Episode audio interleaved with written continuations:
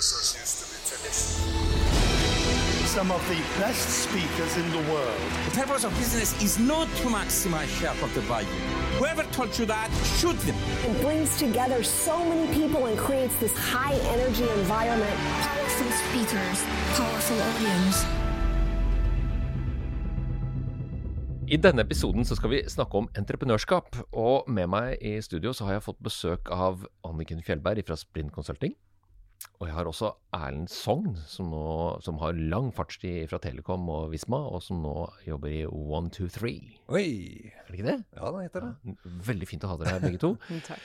Vi skal snakke om entreprenørskap fordi jeg har invitert dere. for Dere har lang erfaring fra egne oppstarter. Dere har eh, jobbet med veiledning, mentoring. Dere har sett på og vurdert in investeringer, oppkjøp, skalering, avvikling. Og sikkert vært borti konkurser. Og ikke minst læring.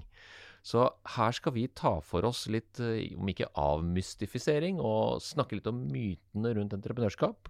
Og det er i forlengelsen av noe en tidligere kollega av meg, Tor Wallin Andreassen på Norges handelshøyskole, har republisert en artikkel fra, et arbeid som, eh, som eh, Daniel Kim har holdt på med, en professor på Wharton i Amerika, som ser på den vellykkede entreprenøren, og at det ofte er en moden person. Og Thor skriver da at det er på høy tid at vi anerkjenner vellykkede entreprenører som kommer i alle aldre og bakgrunner. Og da har jeg jo litt sånn Da må vi bare begynne rett på. Um, Anniken, hvem er entreprenøren i Norge i 2023-2024? Ja, det kan jo være at det ser litt annerledes ut enn de gjør f.eks. i Palo Alto. Eh, vi har jo en litt eh, annen kultur for industri og næring i det landet her enn de har der borte. Eh, Så jeg vet ikke om det går an å være tabloid på det og si liksom én ting, men jeg tror nok at veldig mange entreprenører i Norge historisk sett har kommet fra industri. Vi har drevet med produksjon av ting, eh, det er eh, mange ingeniører.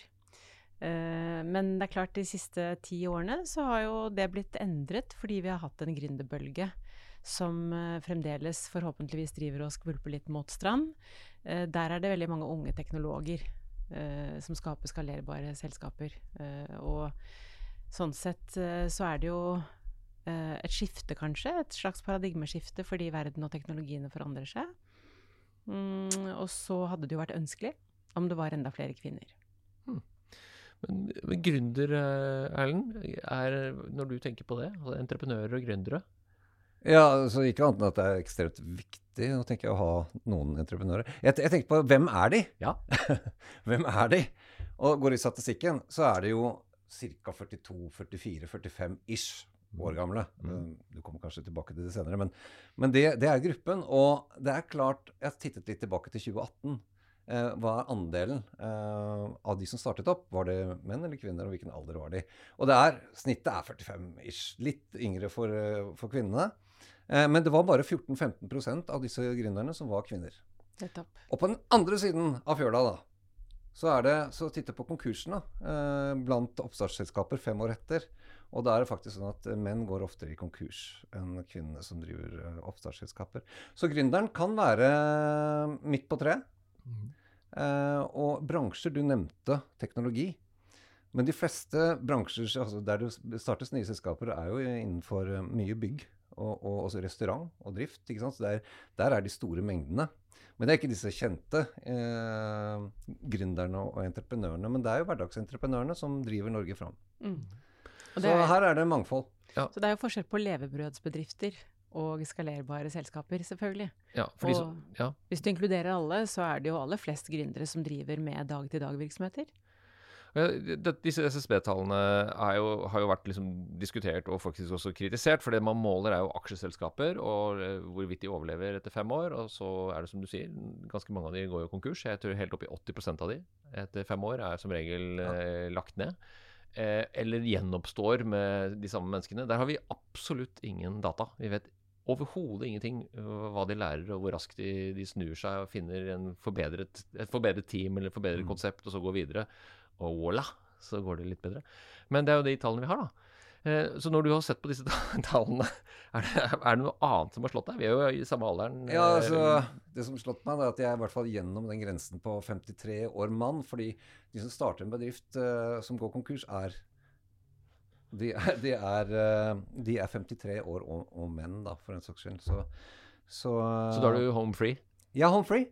Kan bare kjøre på. Eh, Men det som jeg har gleden av, det er at jeg nå får lov til å treffe veldig mange gründere eh, som da er noe yngre, kan man si. I hvert fall innenfor teknologi.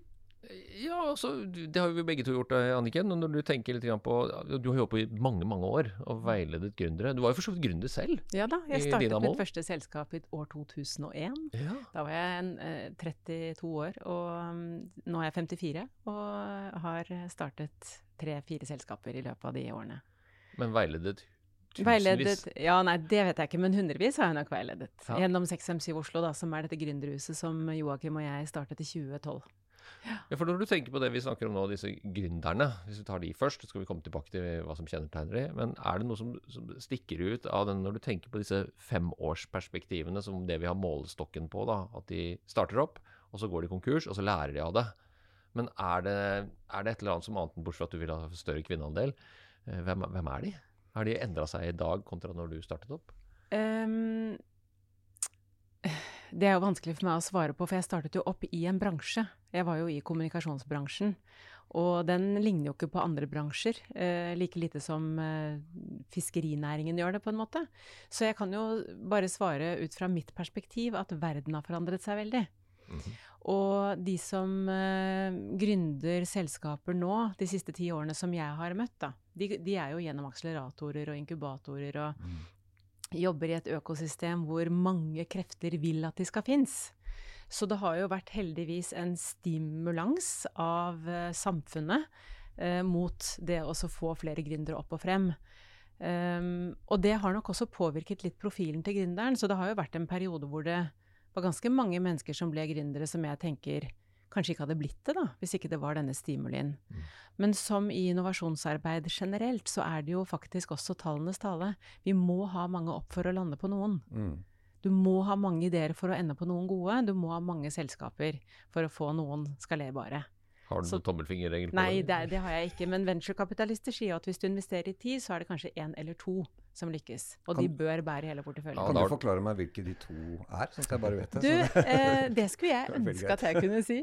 Nei, men, eh, men det er jo eh, Etter hvert som man har møtt mange gründere, så hvis du spør meg liksom hva jeg ville sett etter, så er det veldig ofte kvaliteten på mennesket. Eller kall det teamet, da. ikke sant? Om, du, om, du, om de forstår hva de driver med, om du tror de har gjennomføringskraft, eh, om du ser at de klarer å, å vokse selskapet sitt. Det er liksom noen sånne uh, lederegenskaper og kall det uh, altså at de, at de kan bransjen sin. Da. Det er jo kanskje regel nummer én at uh, du starter jo et selskap innenfor noe du kan. Uh, eller har en forutsetning for å kunne gjøre det godt i. Ja, og de, det er viktig også å presisere at av de ti selskapene som Venture har investert i, så har de i hvert fall lest 100, kanskje 400 forretningsideer og Minst. skrinet de ned, ikke sant? Minst. Ja, så det er også et element. Men for å spole det videre da, til fra, fra eh, entreprenøren til det entreprenørielle, altså hvilke, hvilke, hva må være på plass her Ja. for at vi skal tikke av boksen at her er det noe entreprenørskap som foregår? Vil du prøve først, Anniken? Ja, eh, jeg tenker at det er mennesker som har mye drive, ehm, som har eh, eh, masse energi. Eh, jeg vil si at man Jeg vil ikke si naivitet, men altså du, du må kanskje ikke tenke for mye på utfallet. Eh, fordi gründerreisen er såpass eh, svingete eh, at hvis du driver og analyserer hvordan den reisen kommer til å bli på forhånd, så tenker jeg at det trolig ikke er så inspirerende å begynne. Men hvis du kaster deg ut i ting og er litt sånn eventyrlysten, og tror på egne evner, at du eh, ja, har lyst på, på å gjøre ting du kanskje ikke alltid har prøvd før, så er det en veldig god start. Ja, Erlend? Jeg er enig med deg. Å brenne for saken, det må Mm. du gjøre. Og du må kunne saken. Selv om jeg har møtt flere gründere som ikke helt kan, men er er interessert og villig til å ta risikoen og lære seg noe helt nytt. Eh, kraft, energi, eh, evnen til å få ting gjort. Ja, eh, helt eh, avgjørende. Og det ser du ganske fort. Og så tenker jeg det er Jeg må spørre deg. Eh, det fins jo en del gründere som har veldig høye ambisjoner, å komme dit en viss tid. Mm. Og så kommer du dit, og så har de ikke helt levert. Er det, er det en dårlig egenskap, eller er det sånn det må være? At de ikke har levert når de sa de skulle levere. Mm, jeg tror de aller fleste gründere sier de skal levere før de klarer å levere, og det handler om så mange ting utenfor deres kontroll også. Ja. Og hvis ikke de tror at de kan levere raskt, så kommer de i hvert fall ikke til å få Nei. det til. Så der tenker jeg at det er eh, slingringsmonn. Og det er greit. Men, eh, men, det er jo også viktig å ha realisme og lære. Mm. Uh, ingen kunne forutse en pandemi, f.eks. Så spørsmålet er jo egentlig da klarer de å tilpasse seg virkeligheten når den endrer seg? Mm. Uh, og, og resonnere godt rundt det, og snakke godt rundt uh, plan B. Det er viktig. Det er en kjempeviktig egenskap. Ja. Ja. Og så tenker jeg det også Den opprinnelige planen må du også ta høyde for at bør endre seg. Det kan være alt fra prismodeller, måten til å gå til markedet på. altså rett og slett Du ser nye ting som reisen går, sånn at du ikke låser deg på målet. Mm. For det målet kan endre seg. Mm. Det er i hvert fall det jeg har sett i flere av selskapene. Jeg er helt enig. Jeg, har en eh, stor, eh, jeg er stor fan av en amerikaner som jobber på MIT som heter Bill Aulett. og Han har skrevet masse om, om skalering av, av, selskaper. Og han har en sånn 24-stegs eh, stigespill, faktisk. Hvis du ratter alle disse og ikke faller ned, og det gjør man jo som regel, så skal man finne kjernen og kunne skalere en virksomhet. Men det han snakker om i, i dette med risiko han mener bestemt gjennom MIT-studiene deres at du, det som kjennetegner gründerne, er at de stoler mer på egne data. Altså De stoler mer på det de vet, og enten personlig, det er litt farlig, bare magefølelsen ja. sin, men også de kontaktene de har, og den innsikten de har, gjerne i bransjen. ikke sant? Mm. Fordi de vet noe som gir de energi framover. Mens de vi vet av de som ikke blir gründere, de er redd for akkurat den innsikten. Mm. Eller de stoler ikke helt på den, for de er engstelige. Det er kanskje litt feil, feil å si at de er redde, men de er engstelige for at det kommer til å utfordre så mye. At det ikke blir så veldig hyggelig. Hva tror dere om det, den påstanden? Det eneste jeg kan si, er at eh, de gründerne jeg ser, de har betalt prisen. Og nå har jeg fått lov til å være i store eh, selskaper, og jeg har vært, i noe, vært, gjennom en del gründerselskaper. Det er to helt ulike idretter. Ja. Å sitte og være toppleder, f.eks., det er jo dritenkelt tidvis. å være gründer er jo en kjempetøff jobb. Eh, der må du både være toppsjef og idésprøyte og, og ukuelig optimist. Så så eh, jeg tenker at uh, det er to helt ulike sporter, iallfall. Og hvilke ressurser du har når du sitter i en stor organisasjon. Du kan be om det ene og det andre. Du kan egentlig bare være flink til det, og engasjere folk. Men der skal du engasjere folk, kapital, teknologi, alt på en gang. Så det er en jækla tøff idrett som uh, gründerne er inne i. Men de behøver litt veiledning på veien også, så det kanskje kan som, som oss hjelpe til litt. Ja, og det har vel du også sett, Anniken. Jeg vet, du jobber jo nå som, uh, og hjelper og store corporates i strukturering, og kanskje også være, ha mer innovasjonskraft, er ikke det riktig? Mm, Jobbe med innovasjonsprosjekter. Og da vil du vel se litt det samme som Erlend snakker om her. Mm. Hvem, er de, hvem er driverne internt i big corporates? Er, ja. de, er, de, like typer som de gründerne du har møtt på 657 og i andre Det kommer helt an på selskapet, og kulturen selvfølgelig. Mm. og noe av det som, som, vi i Sprint jobber med, er jo at vi får Management Consulting til å møte entreprenørskap. Mm -hmm. Vi mhm. starter jo selskaper. Mm -hmm. vi investerer i selskaper gjennom Skyfall, og mange av oss som jobber der, har startet selskaper selv. Uh, og det er en uh, kompetanse som næringslivet etterspør, og som er attraktiv i dag. Fordi man vet at entreprenørskap er lik innovasjon, er lik overlevelse. Uh, men om de som jobber i big corporate med innovasjon, ligner på gründere Ja, noen gjør det. De jobber ofte i fast-paced big corporates. Altså det kan være f.eks. VG Lab, da som eh, har som oppgave å bare produsere selskaper, egentlig, for, eh, for eh, eieren sin. Med helt tydelige kopier, som, som har en klar funksjon. Der har de liksom klart å integrere den måten å tenke på og være på gjennom et sånt rendyrket konsept. Men i store selskaper som har kanskje en lengre verdikjede, da, som f.eks. matproduksjon eller ja, fast moving consumer goods på en eller annen måte. Der er det veldig mange ting å ta hensyn til i verdikjeden som gjør at du er nødt for å spille på lag med hvordan den virksomheten jobber. Og der vil jeg si at det ligner mer på det skiftet du nå ser på bærekraft. At innovasjon har litt samme uh, rolle som det bærekraft har fått, fordi det må totalintegreres i virksomhetens strategi, i organisasjonen og i alt som har med kostnader og inntekter å gjøre, der det er mulig. Og det krever jo også en helt annen type mennesker. Fordi du må klare å, å løfte noe stein i etablerte strukturer. Det er en evne som ikke så mange rå, på en måte kjappe gründere har, da. Men det kommer også med erfaring. Altså Ja. Det du beskriver nå, er jo en slags intraprenør. Og det er jo, det er jo en definisjon på det, i, i hvert fall i- fra forskningens side, at den, de intrapreneurielle kapabilitetene Bare ordene i seg selv er jo, krever et lite masterstudio. Ja, ja. Må redefinere språket her. Ja, nei, men det funker jo hvis du måler det. For at det er jo de endringsagentene da, som bidrar til den endringen i det du kaller lange verdikjeder. Som, hvor, hvor det blir stoppet av kanskje vel så mye interne hindringer. Og der vet jeg at Visma har vært utrolig gode. Altså Visma har jo kjøpt en hel haug med selskaper og fått den kulturen til å leve videre i, med som Ikke sant? Det er i hvert fall det det, det blir fortalt. da. Nå er jo du her og kan du svare Nå det. jeg, er jeg her. Men jeg- bare knytte en kommentar til det. Um, en gang i tiden uh, så var det noen ting i norske bedrifter og internasjonale bedrifter som de har pratet om kvalitet. Jeg vet ikke om vi er helt der, men kvalitetsbegrepet Vi må ha en kvalitetssjef! Da løser alt seg. Alle pekte på kvalitetssjefen. Der er kvalitetsproblematikken. Den skal løse eh, dette. Og litt av det samme gjelder innovasjon. Eh, jeg tror at eh, de som tror at man kan sette en innovasjonssjef i et selskap, et større selskap, de kommer til å Jeg kan si å være innovasjonssjef for selskapet er ikke noe, det er ikke noe lett oppgave. Det er rett og slett umulig oppgave. Så alle i en bedrift må være innovatører på sin måte. Og da tenker jeg på dette med større selskaper også. Det er en fordel å dele opp selskapet i ulike deler i verdikjeden. Det har jo i hvert fall matindustrien sett for lenge siden, av ulike årsaker. Men jeg tror også du må gjøre eh, selskapene eh, litt mer transparente og litt mindre i størrelser og ulike celler, om man kan kalle det det. da. Og der kommer jo Visma inn, som har vært en helt utrolig reise. Selv har jeg fått lært meg utrolig mye. Men der blir jo gründeren.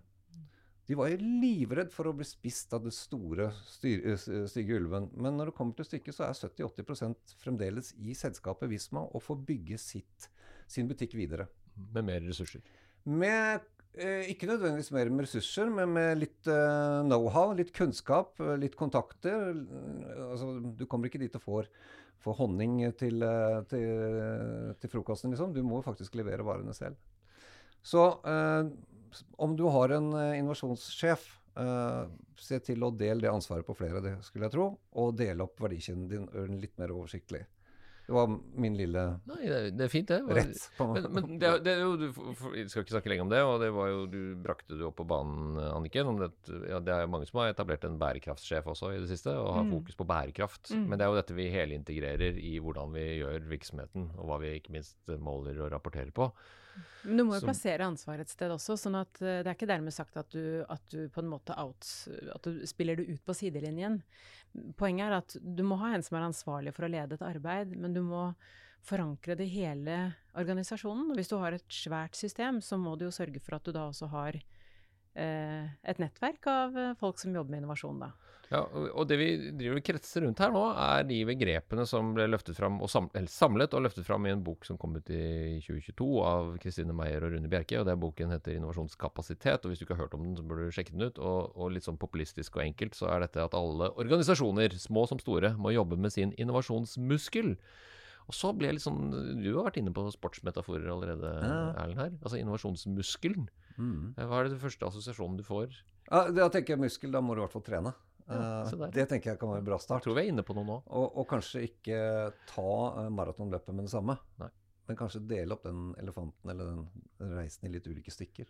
Det var det jeg tenkte på. Ja, jeg kan hjelpe deg litt også, for at det Rune og Kristine er litt opptatt av, og de casene de har, det er veldig sånn ledelsesdrevet i den forstand at de fasiliterer for det, men så slipper de det løs. Ja. Altså De prøver å få organisasjonen selv til å få opp farten. Fasilitere for det, men så skal man liksom agere på det. Og det vil jo være litt styrt av hvem du har, da. Hvilken, hvilke ressurser har du å spille på i en stor organisasjon, som jo er helt lik med en liten organisasjon. Mm. Altså to gründere eller bare én gründer har jo de ressursene de klarer å mobilisere og så bruke. Og så er det dette utrolig vanskelige ordet timing. Er nå tiden inne for at dette kan bli validert av markedet? Vil det, vil det fly, vil det ikke? Kommer det tilbake i en annen form? Oi, da må jeg endre det. Og det er jo det dere var inne på i sted. Det er ikke alle som klarer det. Og vi har vel sett det alle sammen. Eh, De som har de riktige timene eller har den riktige konseptet og har alt klart, egentlig. Og vi bare tenker bare at dette kommer til å fly. Og så av noen ulike grunner så gjør det ikke det. Kanskje de ikke har ikke sant? Muskelen har ikke vært trent nok. Eller alt går mot de. Ja. Eh, no, noen ja, i teamet som, som var en viktig nøkkelfaktor, som likevel ikke var villig til å stå den uh, distansen som det krever. Mm. Forventninger om en exit litt tidligere enn det som var mulig og realistisk. Altså, det er så mange ting som spiller inn. Da. Jeg tror det handler om kultur. Det var det jeg ventet på. Ja, fordi eh, hvis du skal Du må nesten ha et treningssenter. Hvis, I hvert fall jeg. Jeg må ikke bare ha et treningssenter, jeg må ha en PT for å komme meg på trening. Så det er liksom noe med at noen av oss trenger mer støtte, mens andre er helt selvgående. No, no, altså noen folk trenger jo ikke et, verken treningsstudio eller PT, de bare går ut i skogen og løper. Uh, og det er litt sånn analogt i forhold til innovasjonsarbeid. Da. At hvis du jobber i et selskap hvor du har en kultur for prøving og feiling, for, med, med stor fleksibilitet på å hive seg utpå, mm, hvor du får lov å komme med ideer og, og teste dem ut, uh, og ha systemer for det, altså innovasjonssystem, så vil det jo stimulere da, til, eh, til sånn tenkning. Eh, mens der hvor det, hvor du jobber motbakke med innovasjon, uh, så vil kun de mest radikale kanskje klare å fremme ideer og teste ut løsninger. Og de kanskje heller ikke orker. Når du blir for radikal, liksom, så orker du ikke å stå imot til slutt. Da, Ja, da slutter du kanskje. da tar du med den radikale ideen din og starter et politisk parti, eller, eller gå i Mm. hvert fall ut og starter noe selv. Ja. Jeg er veldig glad i å snakke om, uh, siden noen begreper blir så slitne, så er jeg veldig glad i å snakke om innovasjon mer i dag som forbedring og vekst. Kontinuerlig forbedring og vekst, og det er det jo mange som gjør. Og grunnen til at jeg liker det, er fordi at i dag eh, så møter eh, vi mange selskaper som har kuttet innovasjonsbudsjettene sine, eh, men som likevel vet at de er nødt for å jobbe kontinuerlig med forbedring, ellers så kommer de til å tape eh, viktige posisjoner. Eh, og alle er opptatt av vekst, men det handler ikke bare om vekst for å vokse, men hvordan skal vi vokse? Og det er viktige og kjempespennende spørsmål, som også gjør, bare ved å snakke om kontinuerlig eh, forbedring og vekst, så får man litt andre tanker i hodet når man sier innovasjon. Fordi da får man i hvert fall noen få gamle bilder i hodet, av hvordan det så ut før. I dag så tester man jo ting umiddelbart. Altså snakk om VG-lab. De tester jo De kom, kan komme opp med en idé eh, samme dag som de tester den eh, på annonsenettet til, til VG, eh, for å bare se eh, klikkresponsen. Og for å se om får den over det magiske tallet eller ikke. Skal vi gå videre med den i morgen eller ikke? Kanskje jeg overdriver litt nå, men det er noe med den der testingen som du snakket om i stad. Du piloterer utrolig mye raskere nå. Og hvis du har systemer for det, så kan du gjøre veldig mye på kort tid. Så det du sier nå med innovasjon jeg, jeg så det bildet for meg. Jeg ser for meg den store Apollo-raketten, den store spaceshipet som skal opp. Det, altså innovasjon, se, der flyr den! Men det er jo ikke det det skal være. Det er hverdags, det er, hverdags, det er renslighet. Det er å få ting til å uh, skli raskere gjennom bedriften. Raskere hele tiden, hver eneste dag. Det er disse små, små sakene. Og det må jeg si også hva gjelder, hva gjelder eh, bærekraft og det grønne skiftet, bare for å legge en liten personlig refleksjon. Pass på at de eh, ordene ikke heller blir så store at de svelger seg selv. Få ord og uttrykk som gjør at vi kan faktisk forholde oss til det. Og det handler om hverdagen. Jeg elsker hverdagsinnovasjon. Eller hverdagsforbedring, da, som Ja. du sa. Det er veldig kult. Men det trenger ikke være noe quality management på den, da. Nei, altså quality, man altså quality manager var jo drevet av en konsulentverden, og det er jo kanskje innovasjonskonsulenten også drevet av, av den verden der. Uh, vi har alle en, en konsulent, en idésprute i våre hoder.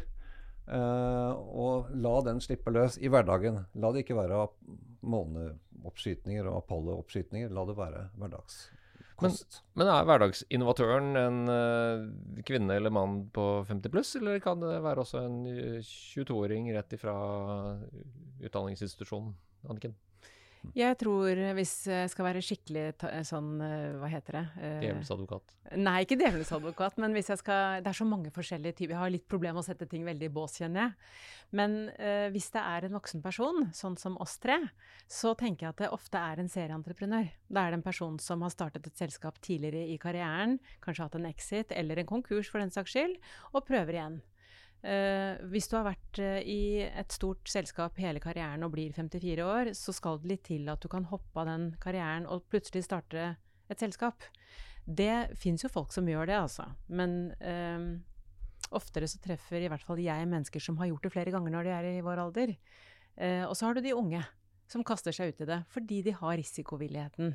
Og fordi at de har ikke så mye å tape. De har liksom ikke gjeld på et svært hus og fire unger å mette og dyr bil i garasjen. ikke sant? Det er lavere terskel. Eh, så jeg tenker at det, de voksne gründerne, de er det jo veldig grunn til å investere i dersom de har en track record som viser at de har klart å bygge selskaper før, og ofte innenfor samme industri eller med samme type teknologi. Det er spennende gründere. Men det er også spennende med de unge, fordi de kommer fra helt nye ståsteder, følger med på ting ja, i hvert fall for egen del, da. Jeg klarer ikke å følge med på alt det som skjer uh, i verden nå. Og det, det, får man jo gjort gjennom å følge med på de yngre. Mm. Jeg, jeg, kan jeg må si litt om det her at jeg, er, jeg tenker en um, teknologigründer den er oppvokst i den teknologien som er her og nå. Og jeg har sett mange eksempler på en unge 22-23-25-åringer som er langt smartere enn det i hvert fall jeg kan noen gang bli på hele teknologi. Men det jeg kan være gründer uh, Jeg kan være gründer som en støttefunksjon. Jeg kan være gründer, kan starte et eget gründerselskap og faktisk være støttefunksjon for andre gründere. Innenfor teknologi definitivt vil jeg satset, sett litt nedover i alder, aldersgruppen uten å være uh, ufin på noen måte. Enig. Så, men skal du være en gründerselskap som satser på andre gründere, ja, så kan du vært med en vinterdag. Det er greit. Jeg tror for mange unge professionals som jeg prøvde å henlede oppmerksomheten til, så er det et sånn, lite sånn dilemma de har når de skal begynne å tenke på sin egen karriere. Når de nærmer seg innleveringen av eh, oppgavene sine, bachelor eller master eller hva det er. Skal de gå for en sånn tilværelse i en eh, stor, stort selskap med mye ressurser, eller skal de hoppe på gründerreisen tidlig for å få mer læring og mer erfaring? Ikke nødvendigvis at det, det er det beste økonomiske oppsiden på kort sikt. Har vi noe råd til det, Anniken? Hva bør du gjøre? Så når det gjelder å rådgi unge mennesker i valg av karrierevei i forhold til big corporate eller gründerskap, så tenker jo jeg at det avhenger veldig av mennesket. Fordi du og jeg, Tor, vi har jo sett noen gå rett ut av BI etter halvgått studium og gjøre det kjempebra. Og så har jeg også sett mange eventyrlystne unge mennesker bruke kanskje to, tre, fire og fem år på å uh, rote rundt i gründerverden etter endt bachelor og har, har, sikkert lært mye, men kanskje ikke skapt så mye. Um, så det taler jo kanskje for at um, de aller fleste burde få seg litt erfaring før de gründer et selskap. Men det betyr ikke at det gjelder alle, altså. For det er noen som bare har enten en veldig god idé eller treffer planken. Mm. Um, og det kan også fort være at hvis man da følger det rådet om å starte i et eller annet corporate-selskap uh, uh, først, så kan det være at man veldig fort også mister litt gründergnisten. Så jeg vet ikke. Hva tenker du? ja, det er veldig personlig, ja. Uh, jeg har tenkt sånn at uh, Jeg er ikke så Jeg tror du må følge din egen overbevisning. Ja, det er veldig lett å si, da.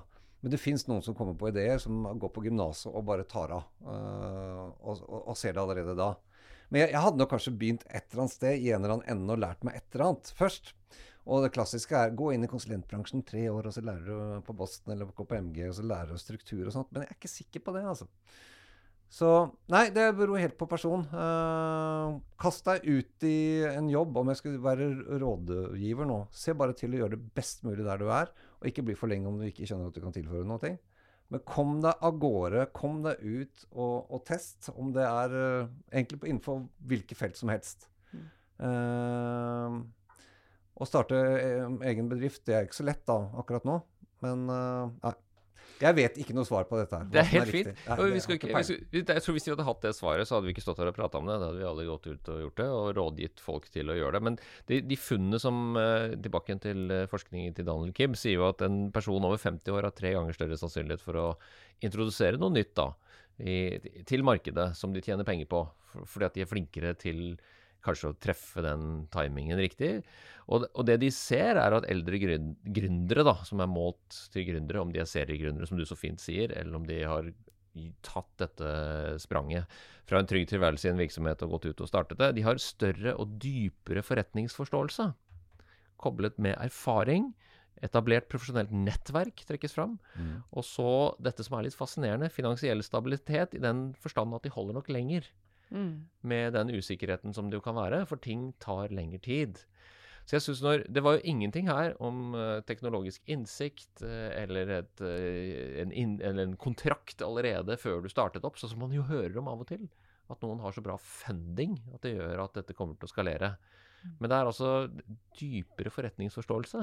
Mm. Er ikke det litt spennende å snakke jo, om? Jo, absolutt. Og jeg tror jo, hvis man skal liksom velge én ting, så vil jeg, eller til mine barn, så sier jeg jo gå ut og få deg erfaring.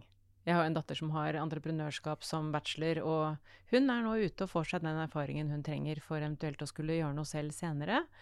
Men um, det er eh, Jeg tror egentlig du sa det viktigste i stad. Gjør det du gjør skikkelig. Altså gå all in der du er, og velg deg noe du elsker. Liksom, gå for det du ønsker deg. Ikke vær fornuftig.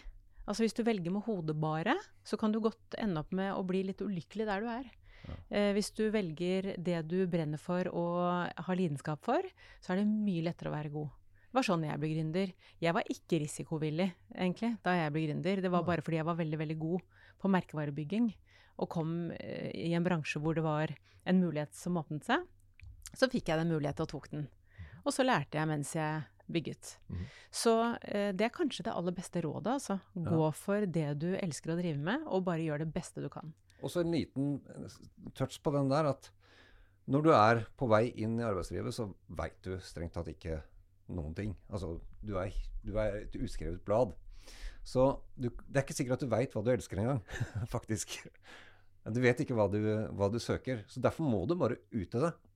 Men du skal tørre, og du skal bare gjøre det. Og så skal du være voksen nok til å kunne hoppe av om det, om det blir feil. Det er ikke noe farlig. Nei, og Det tror jeg, og det er veldig fint at dere er innom det, for det er jo livet. Lærer oss å lære hvis vi er litt nysgjerrig. Ja. Og det blir jo trukket fram ofte som en veldig sånn myk og liksom vanskelig ting å måle. Mens jeg merker jo det gnistrer i øynene til mennesker eller ikke. Avhengig av hvor nysgjerrig de er. På livet, på omgivelsene. Ny teknologi, ja, hva kan det Det kan stort sett bare skape problemer for meg. Og det meste av det rekker jeg jo ikke lære engang før det er utdatert, og så kommer det noe nytt. Men så er det jo opp til meg, da hva som gjør meg nok enten irritert eller nysgjerrig. Og der velger vi jo hele tiden. Mm. Og sånn er det for alle mennesker. Noen slukker jo lyset, bokstavelig talt, når de har runda en eller annen sånn bøye i livet sitt. Og slutter å være spesielt opptatt av ting rundt seg fordi de har nådd målet sitt. Ganske trist. Ja, det blir ganske trist. Ja. Og vi trenger jo dette her mer enn noensinne. Mm. Hvis vi skal forandre oss nok til at vi står og håndterer disse utfordringene som framtidige generasjoner får i fanget. Da. Men du sa noen ting i sted som jeg ikke er helt uh, ferdig med. Du sier at uh, øh, 50-53 år, det går bedre, de har forretningsforståelse. Vi, vi, kommer ikke helt til bunns i den.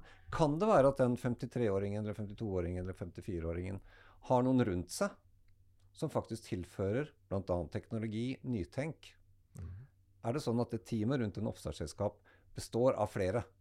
Så når du går i Brønnøysund og ser hvem er det, jo, eh, kvinne 53, så er det kanskje i det teamet litt andre ressurser med også, tenker jeg. Så det, det, det vet ikke jeg, altså. Men det har du helt rett i. Altså man får, hvis man oppfører seg ordentlig, og, så kan man jo få et bedre profesjonelt nettverk, og man kan komme i kontakt med andres profesjonelle nettverk. Ja. Så fremt med at man er noen som deler, bidrar med noe, det er lettere å få hjelp hvis man spør om hjelp. Ja.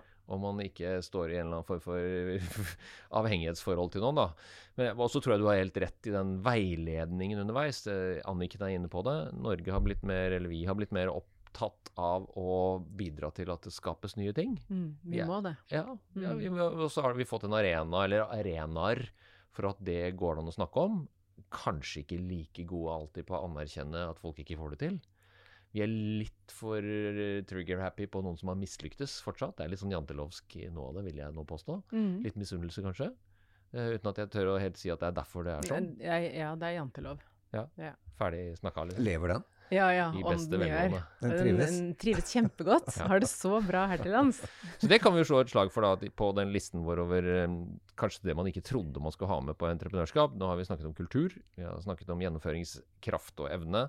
Uh, vi har differensiert på de som har gjort det før. ikke sant? Mm. Seriegründerne. Mm. Som har en rigg eller et nettverk som de ofte bruker eh, flere ganger, for at det er mm. flinke folk. Og de, de har en får jo da et rykte på seg at her er det kanskje litt spennende å være med, da. Mm. På det Anniken eller Erling holder på med. Mm. Og da er det jo mye lettere å få ja.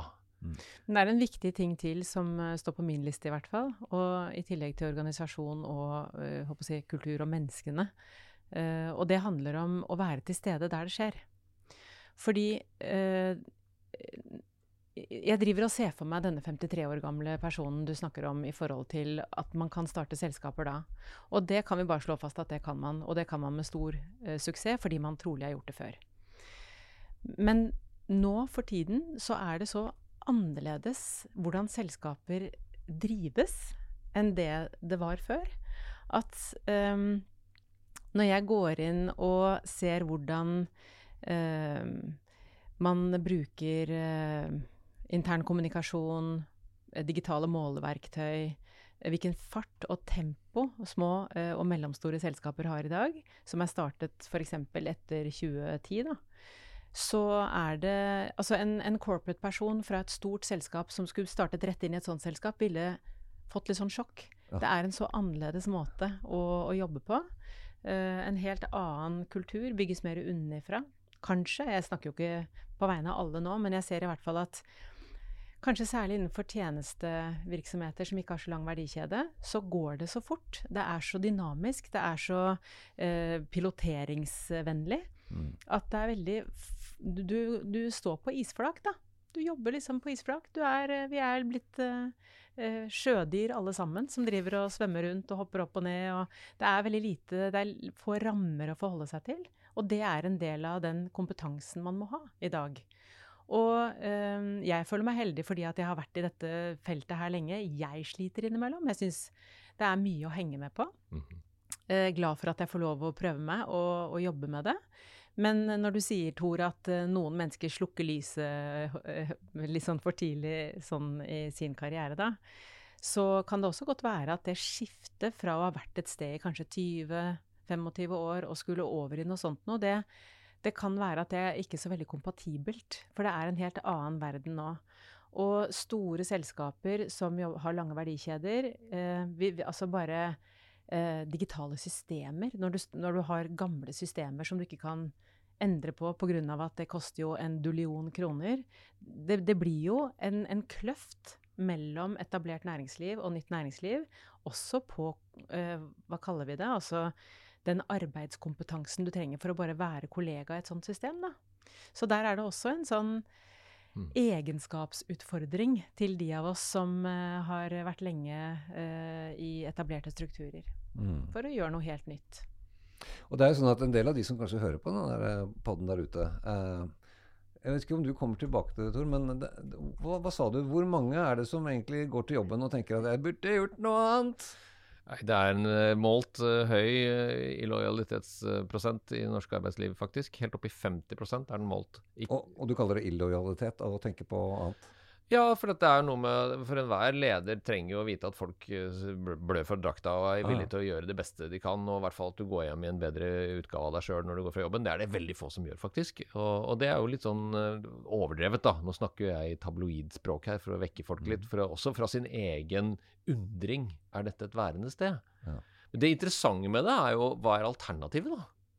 Er det bare en uh, jobb hos konkurrenten så du kan få litt bedre lønn? Kanskje. Uh, og det er det jo målt. At lønn har jo nå dukket opp, i, særlig i 2023, som en viktig indikator. Viktigere enn den var i 2022 mm. og under pandemien. Og det handler jo sikkert om at alt har blitt litt dyrere. Men det er også, en, det er også et måltall for noe annet. For det er jo startupene og gründerne kan jo ikke nødvendigvis betale like god lønn som noen har vært i 20 år eller 30 år i, i, i store virksomheter.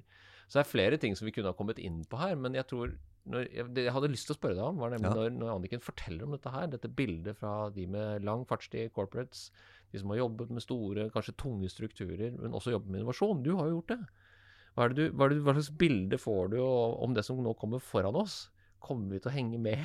Kommer vi til å klare denne her transformasjonen? Får vi gjort det sammen?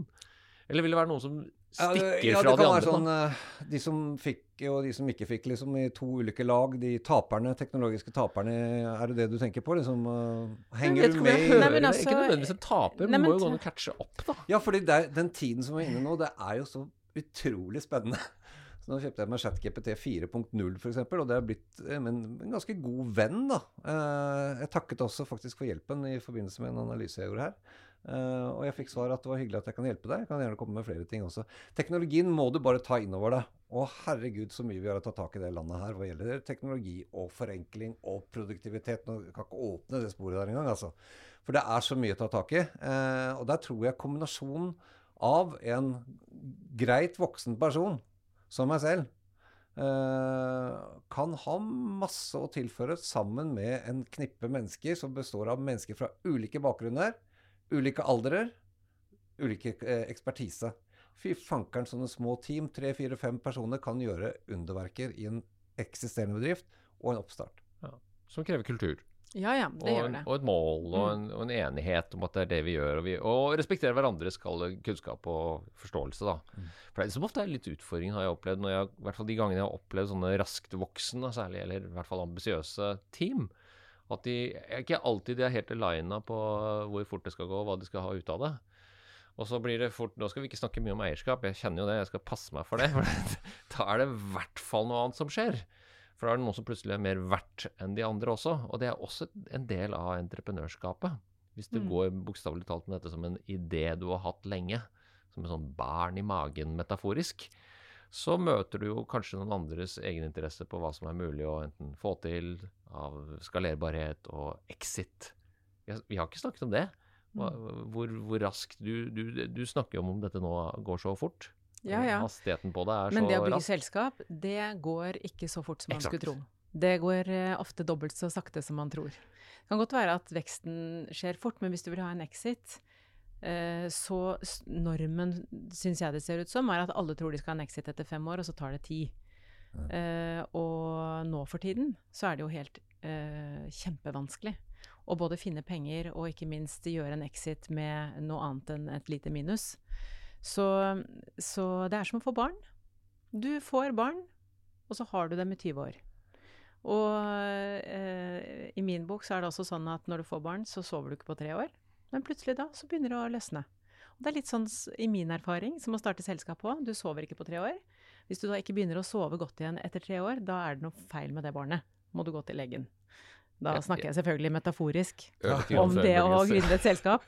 Um, fordi hvis ikke du får det til å funke etter tre år på liksom en MVP-måte, uh, så er det kanskje på tide å gjøre noe annet, eller da i hvert fall pivotere. Du, jeg må, dette med exit og, og barnefødsel og sånt, jeg skal ikke ta, ta, hele den. Men om jeg treffer en gründer som begynner å prate om exit i første og andre møte, så blir jeg livredd. For du, den babyen din, den skal du holde hardt i. Og jeg, jeg tenker at en del av de som du av barna dine, de må du dessverre slite med Ikke dessverre, men, men de er nok med en stund til. Så exit er for meg et fy-ord. Det er nesten like ille som å si Kvalt, vi har en kvalitetsansvarlig. Nei, jeg skal ikke si det, men, men Der er jeg uenig med deg, faktisk. Ja, fordi uh, jeg fikk et spørsmål um, av en investor eh, etter at jeg startet et av de selskapene jeg har vært med på å starte. Og da spurte han hva er exit-strategien din? Og det hadde jeg ikke tenkt over, for jeg gikk all in på bare elsket det jeg gjorde og kjørte på. Uh, men jeg manglet litt retning, og det var derfor jeg hadde bedt om et møte med denne investoren. Og det spørsmålet fikk meg til å forstå at jeg trenger ikke å planlegge for en exit, men jeg må skjønne hvilken retning jeg vil ta det i. Og en veldig fin øvelse, syns jeg da, er å tenke ok, hvis jeg skal ha en exit, og det ikke er døden, liksom, eh, altså for life, så hvem, hvem, er det jeg tenker at skal kjøpe dette selskapet, da? Hvis jeg tenker på det nå. Og så kan det forandre seg om et par år. Men i det bildet så vil jeg også få tanker om hva som er riktig vei å utvikle selskapet. Og det var bare en, en god øvelse for meg den gangen. Ja. Og da er du inne på om du skal ha en exit-strategi, så må du tenke at du skal skape verdi. Mm -hmm. Jeg vil rette fokus på å skape verdi. Og hvem er det du skal skape verdi for? Det er jo det samme som exit-strategi bare med litt annet, annet, annet, ord. Men jeg tenker at om du begynner der, at jeg skal bli av med denne her så, så, Jeg sliter i hvert fall med det. Ja. Men det er jo egentlig bare to måter å si det samme på. Hvem er det du skaper verdi for? Ja. Uh, og så er det ene på kort sikt, som er kunder, og på lang sikt uh, eventuelle investorer, da. Ja. Uh, og jeg tror, i hvert fall innenfor noen bransjer, så er det nok en del idealistiske gründere som hopper ut i det uten å tenke så mye over de tingene. Og det å få de spørsmålene tidlig vil være til stor hjelp, da. Men det kan jo reformuleres til noe annet enn exit, selvfølgelig. Ja. Vi skal gå inn for landing, kjære gjester. Og det, dette har jo vært kjempespennende å prøve å myte, diskutere dette med denne gründeren og entreprenøren som er 54 pluss. Og så er jeg jo nå litt nysgjerrig på er det noe vi, Hvis vi skal gi noen råd, noen oppsummerende råd til Har vi en sjekkliste, Anniken? Du, du, har vært innom veldig mange spennende temaer. Hva er top of mind her på sjekklisten? Eh, jeg tror hvis du har lyst til å bli gründer, eh, så sørg for at du blir det innenfor et område du kan svært godt.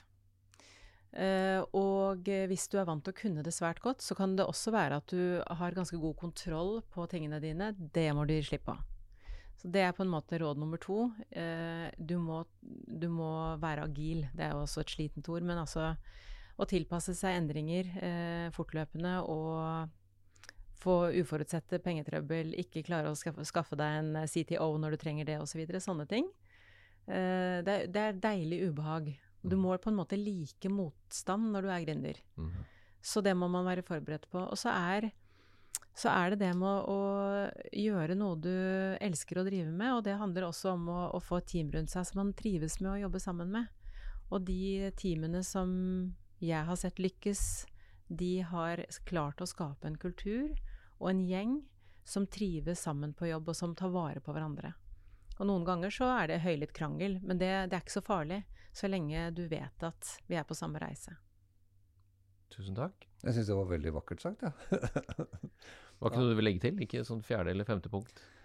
Uh, det her teamet, uh, det er noe som heter FDE, altså fast ansatte. Full-time employment. Full employment.